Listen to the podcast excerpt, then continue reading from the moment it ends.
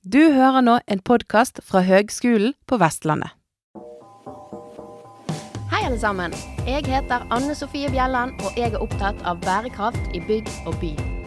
Byggenæringen er i endring, og den vil endre seg radikalt de kommende årene når vi strekker oss etter å nå klimamålene. Det er utrolig mye som skjer samtidig. Med denne podkasten ønsker jeg å følge utviklingen på tvers av fag, sånn at vi sammen kommer nærmere bærekraft i bygg og by. Hei, alle sammen. En bærekraftig bygning må jo først og fremst stå. Og da er vi inne på konstruksjonsteknikk, som handler om analyse, beregning og utforming av lastbærende konstruksjoner og konstruksjonssystemer. Så da må man kunne litt om eh, de fysiske lovene, og man må kunne litt om de fysiske egenskapene til forskjellige materialer og geometri. I en tid der vi jobber med å få ned utslipp og ressursbruk på nye bygg, i tillegg til å bygge mindre nytt og heller utvikle de bygningene som allerede står, er konstruksjonsteknikk en viktig bidragsyter. Og jeg var litt interessert i å høre hvordan det går med konstruksjonsteknikkfaget, og har snakket med en som har vært rådgivende ingeniørbygg, altså RIB, på nybygget på høyskolen på Kronstad, som skulle ha Bream Excellent og 40% reduksjon av utslipp fra materialer. Eh, I tillegg så har han vært ribb på Media City Bergen, der bærekonstruksjonen fra det opprinnelige bygget, som ble bygget på 80-tallet, det ble gjenbrukt på stedet. Jeg har pratet med min gode kollega Trond Einar Martinsen. Hallo, Trond. Halloen. Her satt vi to her. Ja, Takk for at du vil prate med meg. det er bare kjekt. Så bra. Vi må begynne med liksom eh, Du er jo min kollega på Institutt for byggfag, men du kan jo fortelle litt om bakgrunnen din. Ja, altså Jeg ble jo eh, ingeniør, da. Utdannet som ingeniør i 85. Ja. Og så gikk jeg rett i uh, ingeniørvåpenet. Og var der et år. Og da eh, Det var interessant, for der fikk vi bygge det som kalles for Bailey-broer. Og det er jo så midlertidige broer som de setter opp raskt og, Ja. og fint. Og, da, og de, det kan jo være aktuelt i disse dager òg, da. Med, med at de må kanskje bygge, bygge noen flere midlertidige broer for disse broene som de nå har stengt. Ja, ja. ja, for det er flere. Du, nå er du inne på denne broen som raste Ja, nå ja. nylig. Ja, på 13. Ja. Eh, kan ikke du fortelle, hva tenker du som eh, rådgivende ingeniørbygg på, om, om det? Nei, altså det, det, det er jo ikke fastlagt hva som er grunnen, da. Men eh, en av teoriene som har dukket opp, er jo at eh, eh, når den var prosjektert etter gammel standard, så, så var det en avsjekk der som er kommet inn i den nye standarden, som ikke var den gamle. Så det kan være en av årsakene til at, eh, til at eh, ja, at han ramlet ned. Også Så at det, er en- det er en avsjekk, en, en kontroll på, en, på et knutepunkt som ikke var, var gjort eh, den gangen. Ok. Så, så, men altså, alt er jo gjerne gjort etter gammel standard, men så kommer det en ny standard som har med et punkt dette bør også sjekkes. Så det, det er en av teoriene som kan være. Mm. Eh, og det, det går jo litt også på dette her med kvalitetssikring og, og uh, hva vi ser etter når vi kvalitetssikrer en beregning, f.eks. Eh, det er greit, det som kan stå der. altså Det kan være fint og, og greit og, og, og, og forståelig og, og fint. men det er det som ikke står der. Det er det som, det er det som ikke står i beregningene. Det er det som gjør at det ramler ned. For det er det jeg ikke tenkt på. Mm. Så, så det kan være noe der, altså. Men, eh, men igjen, det er, det er jo bare tragisk, altså. Ja, det er jo det. Og godt det ikke gikk liv tapt. Ja. Men, men, men eh, digresjon. Fortsett litt på, eh, Ja, på, eh, ja historien din. Ja da, nei da. Og så, så etter Det var jo da i, i eh, 86, og så kom jeg tilbake og jobbet to år som ingeniør i Trømpi og Fjell. Og så reiste jeg til Trondheim og kom tilbake igjen og begynte hos Instanes. Og Instanes ble jo kjøpt opp av Optikonsult, og senere De ble også kjøpt opp av Sveko, og jobbet i Sveko etter 2018. Og eh, så begynte jeg da på høyskolen. Ja. Du har lang erfaring innenfor eh, Ja, som, som prosjekterende, da. som prosjekterende. Ja, men jeg har likt å vært ute på byggeplass. Jeg har vært mye, mye ute på byggeplass på, på eh, kan du si, prosjektkontorer som er etablert ute på byggeplass. Mm. Ja, ja. Ok, men det, dette må nå eh, Jeg har jo masse jeg skal spørre deg om. Først vil jeg jo høre liksom hva du syns om eh, Ja, nå var vi jo litt inne på det nå i, i forbindelse med denne broen. Men hvordan står det til med konstruksjonsfaget? Ja, jeg syns at eh, Altså det, det, kan jo også være en av årsakene, altså, altså at sitronen er presset. Altså at uh, på en måte rådgiverne de, de får for liten tid til å til å prosjektere ting riktig og gjøre det ordentlig. Eh, og også i andre enden at eh, utførende seinere også har liten tid på å få det bygget. Mm. Eh, når jeg gikk ut som ingeniør, så følte jeg at byggeplass på en måte hadde en kontroll med det som de bygget. Altså det var ikke helt på trynet, det som de bygget. Altså det de hang sammen. Og du fikk en telefon hvis det var noe som du hadde tegnet eller vist som, som ikke hang sammen. Den telefonen den får du ikke lenger. Så du, de bygger det som du tegner. Og hvis det er helt borti natten det du tegner, så bygges det likevel.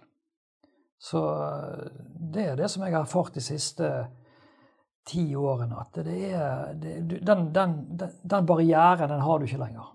Mm. Og så er det jo det at du, eh, du, eh, du har det som, kaller, det som, vi kaller, for leverandørprosjektering. Altså at det er de som skal levere stålet, de som skal levere hulldekkelementene, eh, andre elementer, de har sin egen prosjektering. Og, og, eh, du har liksom ingen som har en overordnet kontroll med at dette henger sammen. Å oh, ja, så de prosjekterer for sine for elementer. Si, ja. Men det må jo være er ikke det rådgivende ingeniør på bygg som eh, skal sammenfatte alt dette her, da? Ja, det, det er det jo forhåpentligvis. Men så har de da i sitt tilbud eh, laget noe som heter en ytelsesmatrise. Mm -hmm. eh, og da setter de opp det de har tenkt å levere i den prosjekteringen. Men de, leverer, de sier ikke noe om hva de ikke har tenkt å levere, for det er negativt. Og det koster jo penger det som egentlig de burde hatt med, men som de ikke har skrevet opp. Sånn at eh, jeg mener jo at En ytelsesmatrise er jo egentlig en ansvarsforskrivelsesmatrise. For dette har de bare satt opp det som de har tenkt å, å, å levere og prosjektere. Og så vet de godt at det er en del ting her som de burde hatt med, men som de ikke tar med, for det, da faller de utenfor i, i tilbudet. Og så kommer jo det gjerne seinere inn da, at uh, vi burde hatt dette med. Og så blir det sånn Ja, hva er med, og hva er ikke med, og hva, hva, hva skal eh, leverandøren av stålet prosjektere? Og så faller det kanskje ting mellom to stoler. Ja, jeg skjønner. Men da sitter, hvis man sitter eh, f.eks. hos ja, en stor rådgivende da, og skal sammenfatte dette her, så må du på en måte være litt kreativ og se disse ja, ja eh, grensesnittene, da. Ja. Og, og, gjøre det resterende. Ja, det som og, mangler. Ja, og der, eh, som sagt, jeg eh, liker å være ute på byggeplass og se at ting henger sammen. Mm. Og det eh, har jeg erfart at det, det, det er jo egentlig tid som kanskje rådgiveren ikke har bakt inn i prosjektet. og det er ikke det er ikke honorar for å gjøre det. Og dermed så, så blir det ikke oppdaget. Den den, eh, altså den sammenfatningen av leverandørens prosjektering og rådgiverens prosjektering. Og den prosjekteringen imellom eh, leverandørene også. Altså Det kan være prosjektering mellom eh, de som skal levere stålet, og de som skal levere hulldekkene som skal lande på stålet. Okay. Og så skal stålet da gjerne lande på, igjen på eksisterende eller nye betongkonstruksjoner som gjerne rådgivende ingeniør har prosjektert. Så det, det, det er mange, mye ting som må henge sammen, og det er mange knutepunkter som, eh, som, som må kontrolleres. Og dette bygget må da på en måte eh, eh, stå i både for avstiving og for altså det vi kaller for horisontale krefter, og for vertikale krefter. Mm. Ja, for da er du inne på, eh, på måte, hvilken belastning man dimensjonerer for. Eh, og der var jeg litt interessert, fordi at, sant, det er jo endringer i klimaet. Blant annet. Sant? Mm. Så lastbildet kan jo se ganske ja. varierende ut. Ja, og det er jo eh, spesielt for vindlast, da.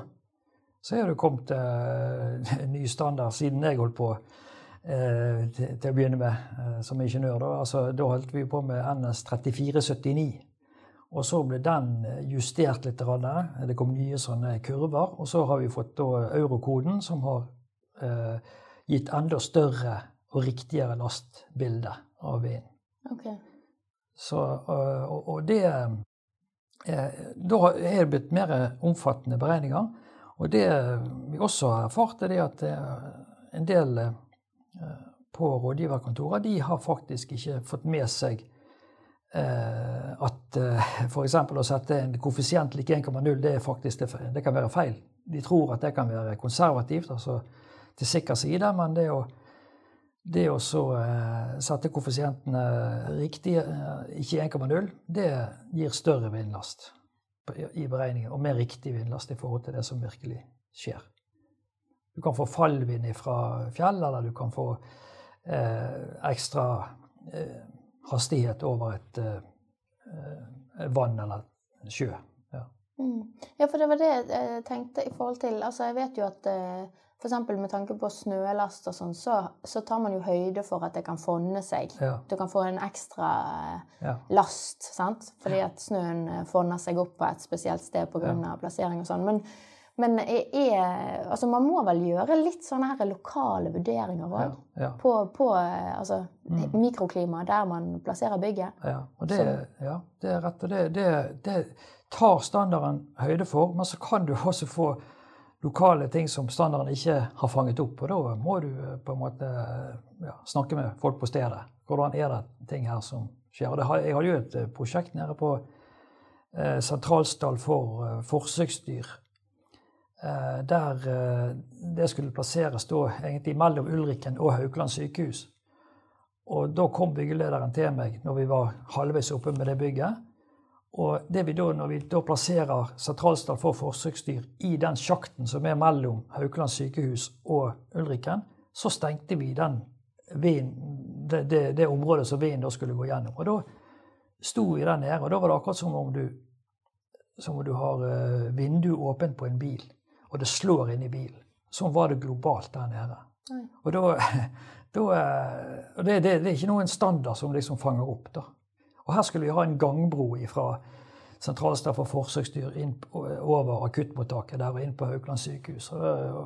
Så jeg bare løp opp igjen på kontoret og ganget alt med to. Altså, hva kan du gjøre? alle, alle, konstruksjoner på den gangbroen ble ganget med to. Men eh, det, det er sånn lokalt som, som kan skje. Da. Men, men altså, de, de nye, nye vindlastene tar høyde for de aller fleste ting som, som skjer. Da. Men da må jo rådgivende ingeniør bruke standarden riktig. Opplever du at det gjøres?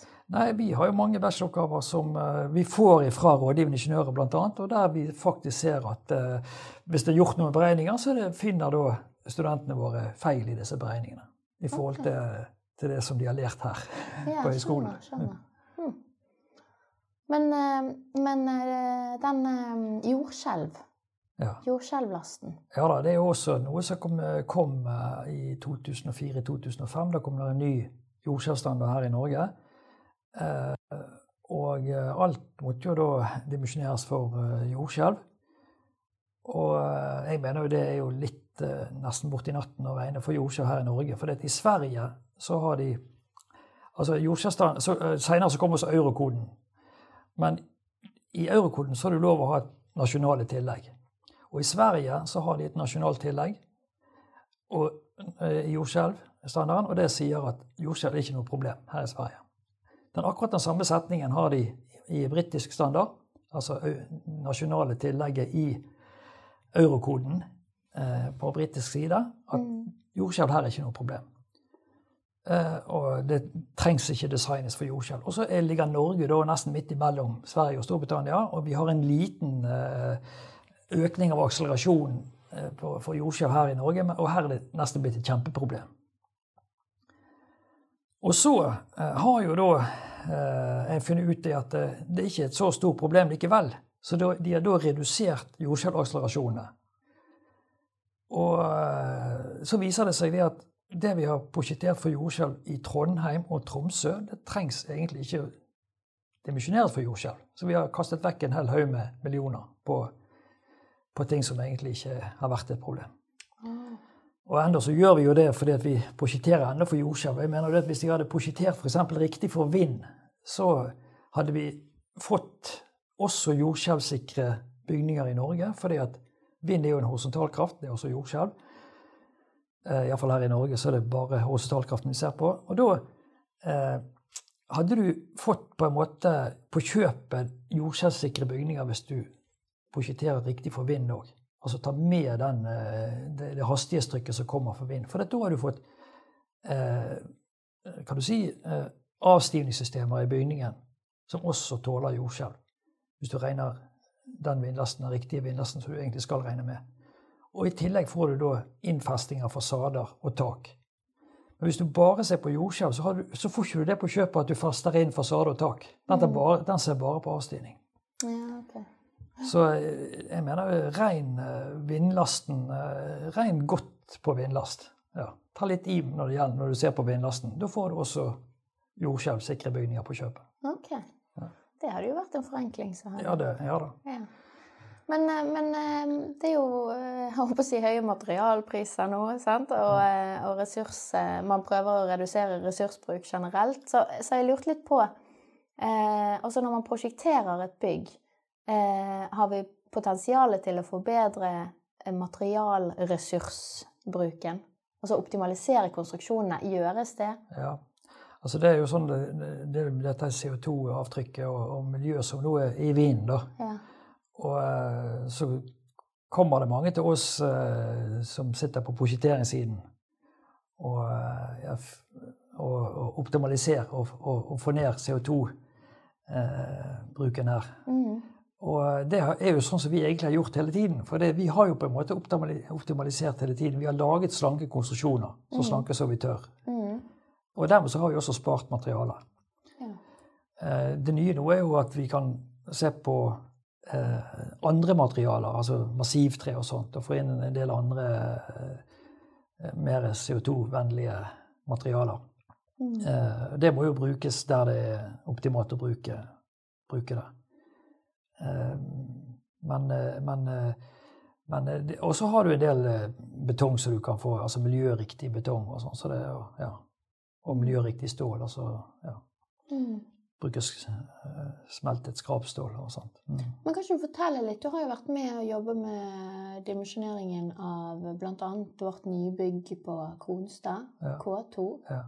Som, der var det jo store, eller høye miljøambisjoner. Ja da. Og det, det der overtok jeg et forprosjekt eh, med kan du si, veggtykkelser på yttervegg på Altså kjelleryttervegg eh, på 30 cm. Og innervegger, sjaktvegger, på 25 cm. Og så sier jeg det at jeg kan godt eh, redusere dette her til 25 cm på yttervegger og 20 cm på innervegger. Altså da optimaliserer jeg. Mm. Men det kommer til å bli litt verre å få lagt den armeringen i disse tynne veggene og få lagt disse knutepunktene, og så bjelker inn på den veggen. og sånn. Det blir litt mer krevende. Men, eh, men, det gjorde vi. Og da sparte vi jo miljøet. Pluss at vi eh, tok vekk eh, altså, Jeg så jo at de hadde jo laget i forprosjektet bygg eh, vanntett, altså kjelleren vanntett, eh, i vanntett betong. Og det trengte vi jo ikke. For vi drenerer jo grunnen sånn at eh, da tok vi vekk en 40 cm tjukk betongplate i bunnen, og så erstatter vi den med gull på grunn på 10-12 cm.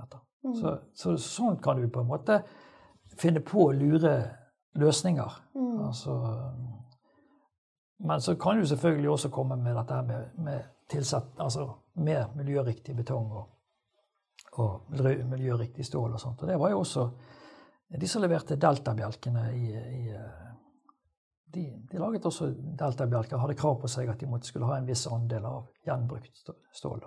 Ja, okay. Men er dette liksom sånn det gjøres på de fleste bygg? For nå, nå nevnte jeg jo eh, også dette høyskolebygget, som er et ganske komplekst bygg sammenlignet med kanskje hvis man bygger masse boligblokker. da. Ja.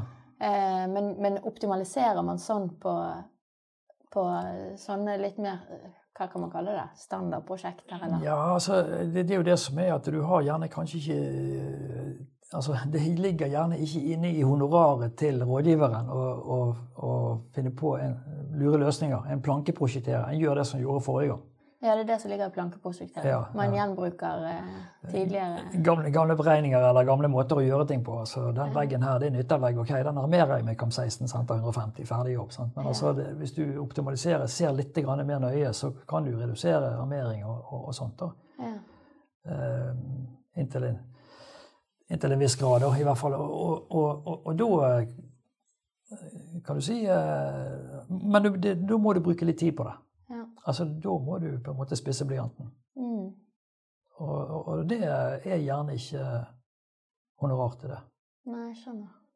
Så, så, men det er jo alltid sånn at det, rådgiveren vil jo alltid ha mer tid til å prosjektere. Eh, Men, eh, men eh, en time mer prosjektert eh, er tre timer spart ute på byggeplass. Men det, det, det er til en viss grad, da. Mm. Skjønner, skjønner. Eh, men nå nevnte vi jo det så vidt, eh, bare på, på, i en litt annen kontekst, men gjenbruk. Ja. Eh, gjenbruk, Trond. Det er jo høyt på, på listen ja. eh, for byggenæringen for tiden. Eh, og gjenbruk av store bærekonstruksjoner, Ja. det er jo altså kjempeaktuelt. Ja. For bærekonstruksjonen er jo en vesentlig kilde til potensielle utslipp hvis den rives. Ja. Eh, Men også er det jo en, en utslippslagring, jeg, den Ja. får bestå. ja.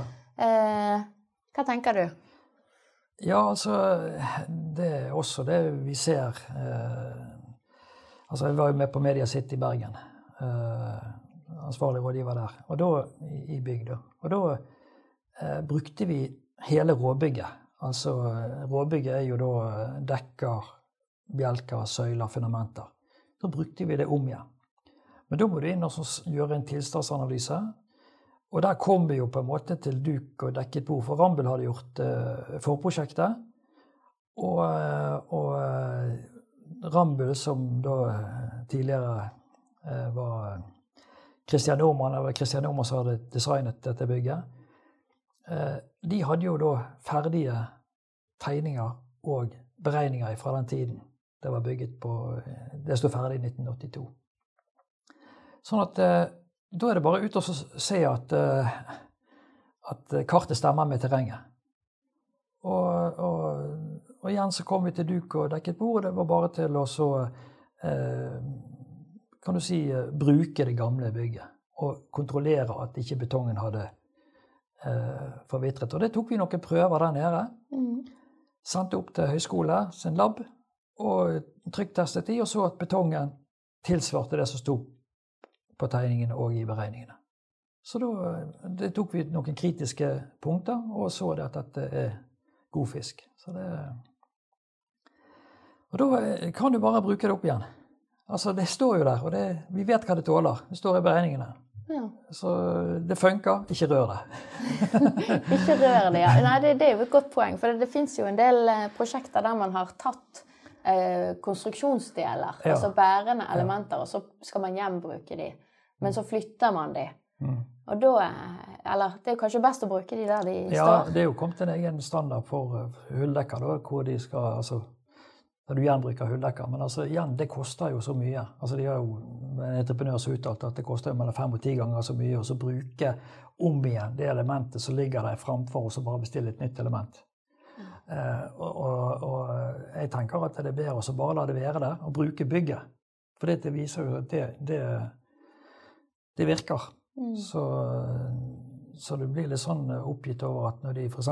reiv eh, eh, fylkesbygget, tårnet på fylkesbygget Altså, hvorfor gjorde de det? Hvorfor, hvor- altså, og så bygget de opp i nesten akkurat samme tårnet. At de bygget opp to tårn, men de kunne ha brukt det ene tårnet sånn som det var.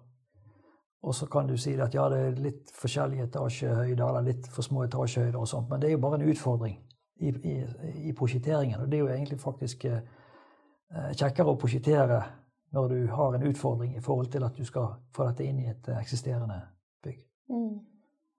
Og det klarte vi nede på Media City Bergen, og Media City Bergen er et mye mer avansert bygg enn fylkesbygget. Mm.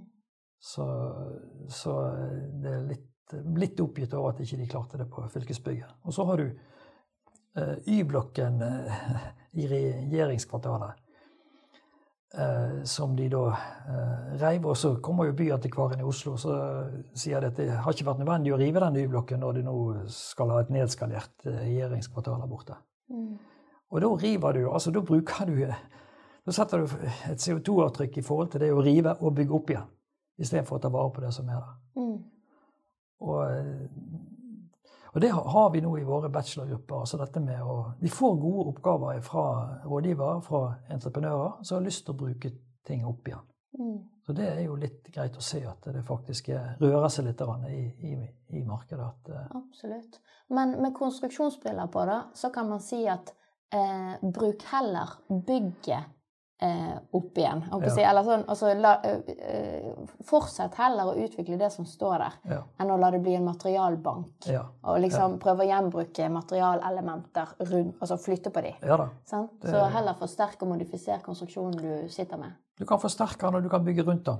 Altså la, la de delene av bygget som står der eh, Hvis du har tenkt å bygge på, så det gjorde vi også ned på eh, I eh, Øvre Åle Bulls plass der. da bygget vi eh, leiligheter over eh, Ole Bull scene. Og, og satte ned søyler på utsiden av bygget og beholdt Ole Bull scene og bygget videre oppå. Det går an å bygge opp på det som du har tenkt å utvide, og eventuelt forsterke de konstruksjonene som vi, som vi skal bruke på nytt igjen. Og det gjorde vi der på Media City òg. Forsterket med stål og karbonfiberbånd. Ja. Så, så er det fullt mulig å, å, å, bruke opp igjen eh, gode bygg. Og det vi, det vi, når vi river et bygg i dag, så er det ofte en, en eh, Altså det er jo stedstøpt betong vi ofte river. Og så setter vi opp et elementbygg. Og stedstøpt betong, det er jo bunkers. Altså det er jo eh, sikkert med hensyn på eh, både terroranslag, eh, jordskjelv og vind. Altså det er en, det er en betongklump. Mens vi setter opp igjen korthus. Mm. Så, så, så det, er ikke, det, er ikke, det er ikke greit å så- rive ned noe som er så bra som, som, som stedstøpbetong er, da. Og så sette opp igjen noe som, som, som rett og slett er et kort, korthus, altså. Så Ja. Men, eh, men hva er vanskelig med å gjenbruke en konstruksjon, da? Eller sånn, jeg tenker jo, for det er Veldig mye av både regelverk og alt mulig eh, er liksom lagd for nybygg. sant? Ja. Mm. Hva er vanskelig? Nei, altså det som, det som eh, Det er å få registrert eh, hvordan det er bygget. Altså hvis du har tegninger og beregninger av bygget, så er det bare til å sjekke ut at eh, kartet stemmer med terrenget. Men hvis du ikke har tegninger og beregninger av bygget, du bare har et bygg der, så må du på en måte ut og registrere og gjerne lytte opp armeringen. Eh, hvor mye armering ligger det her? Kanskje ta og skjære ut. Og det vil jo alltid være i en sånn ombygging eh, og gjenbruk, så vil du jo alltid skjære noen steder. Og da vil du se hva slags armering som ligger der. Og da kan du på en måte danne deg et bilde av, av, eh, av tilstanden til bygget. Så kan du selvfølgelig utarbeide en hel tilstandsrapport på det bygget og sånt i forhold til det.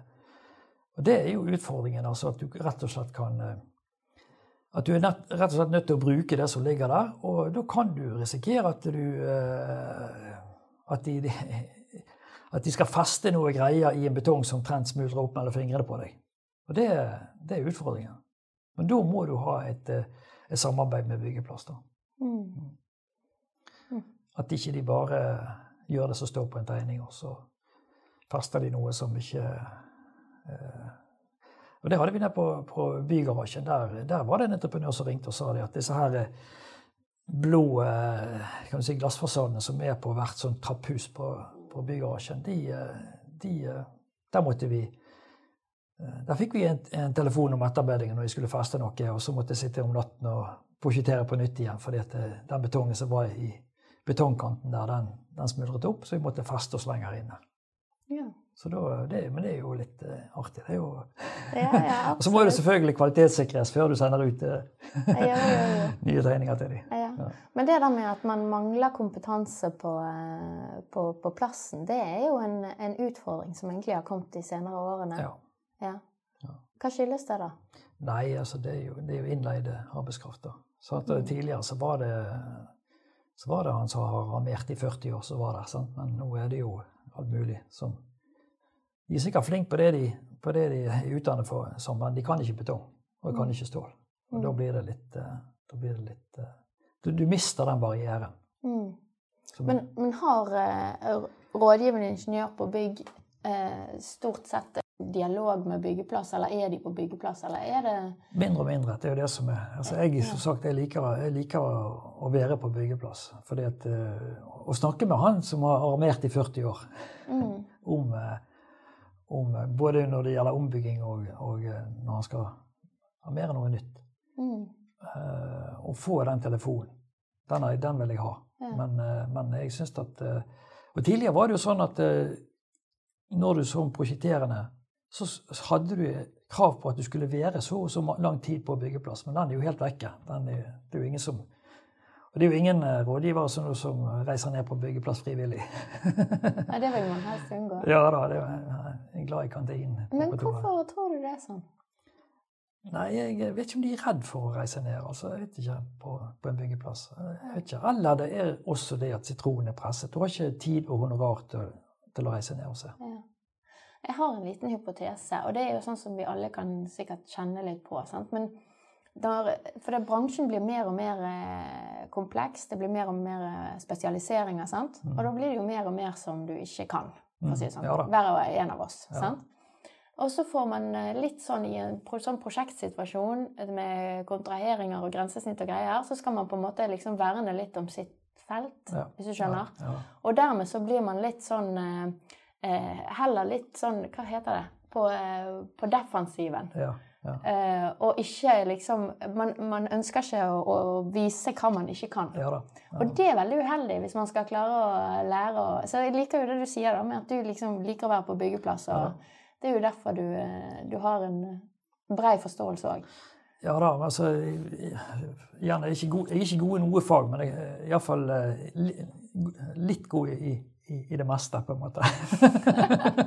Veldig bra. Kanskje. Men iallfall så, så, så Det å bruke forskjellige materialer og sy sammen forskjellige materialer for å sy sammen konstruksjoner, det er helt avgjørende.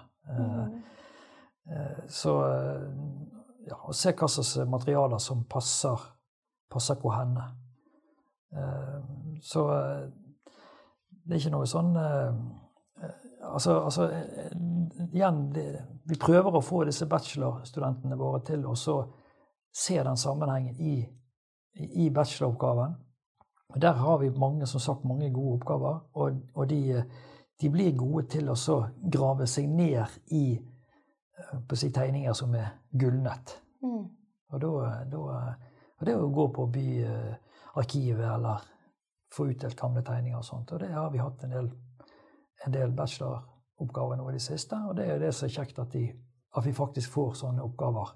Så ikke bare er nybygg. Altså at du faktisk får en, både en ombygging og en påbygging på et eksisterende. Mm. Eh, Det er en ekstra utfordring. Mm. Og da, da, da får vi gode bacheloroppgaver ut av det. Mm. Absolutt. OK, så, så um, håper jeg jobber videre med de byggene som allerede står. Viktig. Eh, optimalisere konstruksjonene på nye bygg. Men hvis vi skal se litt sånn inn i eh, denne her krystallkulen for, eh, for konstruksjonsfaget, da. Ja. Hva tror du kommer? Altså Det er snakk om eh, demonterbare bygninger, f.eks. Da tenker Ja. jeg sånn sammenføyende. Eller liksom eh, Ja, da begynte Ja. jeg å klø meg i hodet. Ja, altså at vi skal bruke opp igjen eh, bjelker og søyler i, i, i bygninger. Ja. Ja. Men også at du skal bygge for demontering, Ja ikke for riving. Ja da, ja, da. At, det, at du skal bruke det opp igjen. Du skal ikke ødelegge det når du skal rive det. Nemlig. Ja, Og da må jo sammenføyningene være litt annerledes enn de har vært til nå, for å si det sånn. ja. Det blir jo en ekstra prosjektering. Det. Altså, det må jo bare legges inn som en ekstra eh, ja, ekstra tid til å prosjektere på den måten. Da. Og bygge på den måten. Det blir jo ekstra, gjerne også kanskje ekstra eh, ekstra kostnader med å bygge et sånt bygg. Da. Så hvor, hvor du har eh, som sagt at du kan bruke det opp igjen. Men eh, jeg vet ikke om det Det, kan godt hende at det, det kommer. Det, men eh, jeg tror ikke vi er der helt ennå. Nei da, jeg tror nok det, det er jo på forskningsstadiet Ja. enn så lenge, men ja. det er noe fokus på det. Ja. Men andre ting, da? Hvilke materialer tror du vil bli dominerende i konstruksjoner? Nei, altså Vi har jo Er det noe nytt og spennende, eller?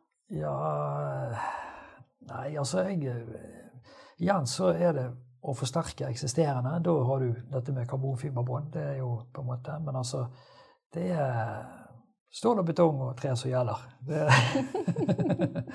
det, er noe, det, er ikke så veldig mye annet. Nei. Men så har du dette med massivtre, da. Som, som, men igjen, det er Det har vist seg det at det er Kan du si Du må bruke det der det er optimalt å bruke det. Ja. Altså spennvidde mindre enn seks meter. Ja. Mm. Og ikke Altså, du får en del Altså ikke i søyle der, Ikke der du ønsker søylefrie arealer. Der bruker du ikke massivtre. Ja. Så, så, kan du selvfølgelig kombinere det med limtre og sånt. Da. Det er jo fint. Mm. Ja. Absolutt. Hmm. Um, helt på tampen, Trond. Har du et godt råd til studentene som skal ut og forme morgendagens byggebransje? Ja, altså det er jo det jeg prøver å fortelle det til de forelesningene og sånt, at de må, de må ta seg tid til å gjøre ting skikkelig. Ikke la blårussen bestemme hvor lang tid du har tenkt å bruke på å prosjektere denne konstruksjonen. For det, det er eh, Altså, du må ha fokus på faget, da. Altså, du må på en måte prosjektere sånn at, eh, sånn at du sover godt om natten. Sånn at, eh, sånn at du er sikker på at, eh, at, du har prosjektert riktig, og at du har fått dette kvalitetssikret ut av en som eh, går inn i beregningen like tungt som det du har gått inn i beregningene, og den som kvalitetssikrer, også kvalitetssikrer sånn at han leiter etter det som ikke står i beregningene, som ikke er tenkt på. Og, og rett og slett eh, ta seg tid til å, å gjøre det skikkelig. Så, så, så, som sagt så syns jeg at sitronen begynner å bli presset, og at den er, at den er En har ikke tid til å gjøre tingene eh, skikkelig. Også prosjekteringsmessig. Så, så ta Ja. Gjør sånn at jeg, Ikke kom der som jeg var en gang i tiden. At du liksom hadde en blokk på, på, ved siden av på, på, nattbordet på siden av sengen, og så våkner du midt på natten uh, full i angst, og så må du skrive ned hva du har glemt, og så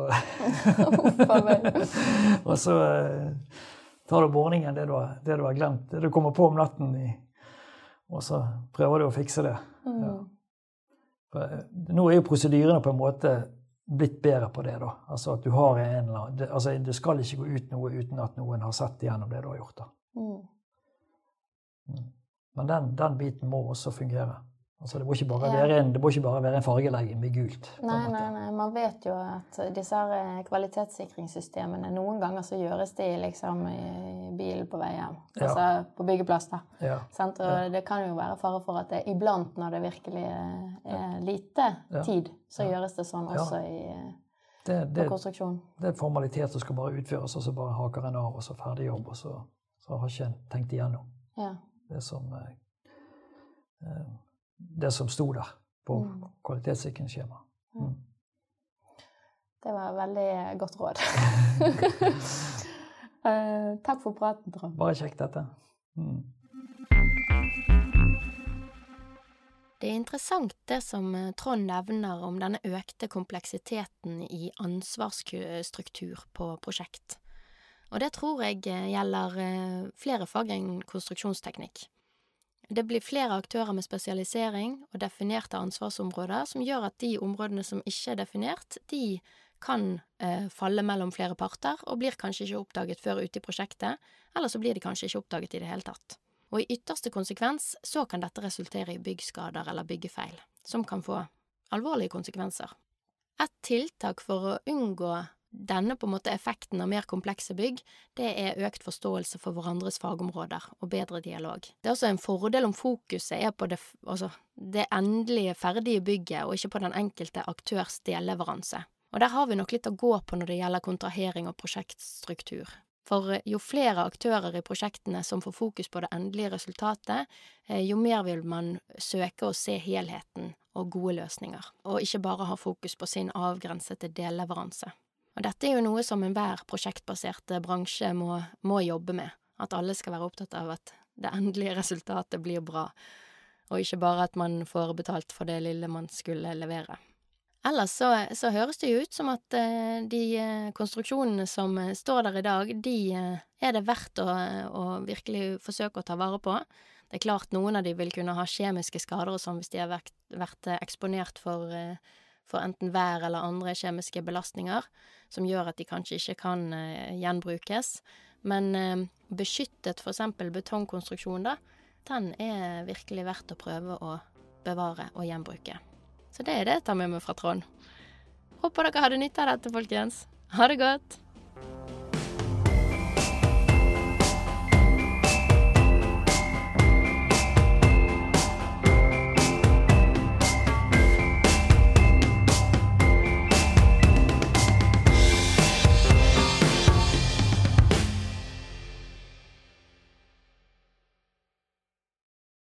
Du har nå hørt en podkast fra Høgskolen på Vestlandet. For å høre flere podkaster, besøk hvl.no slash podkast.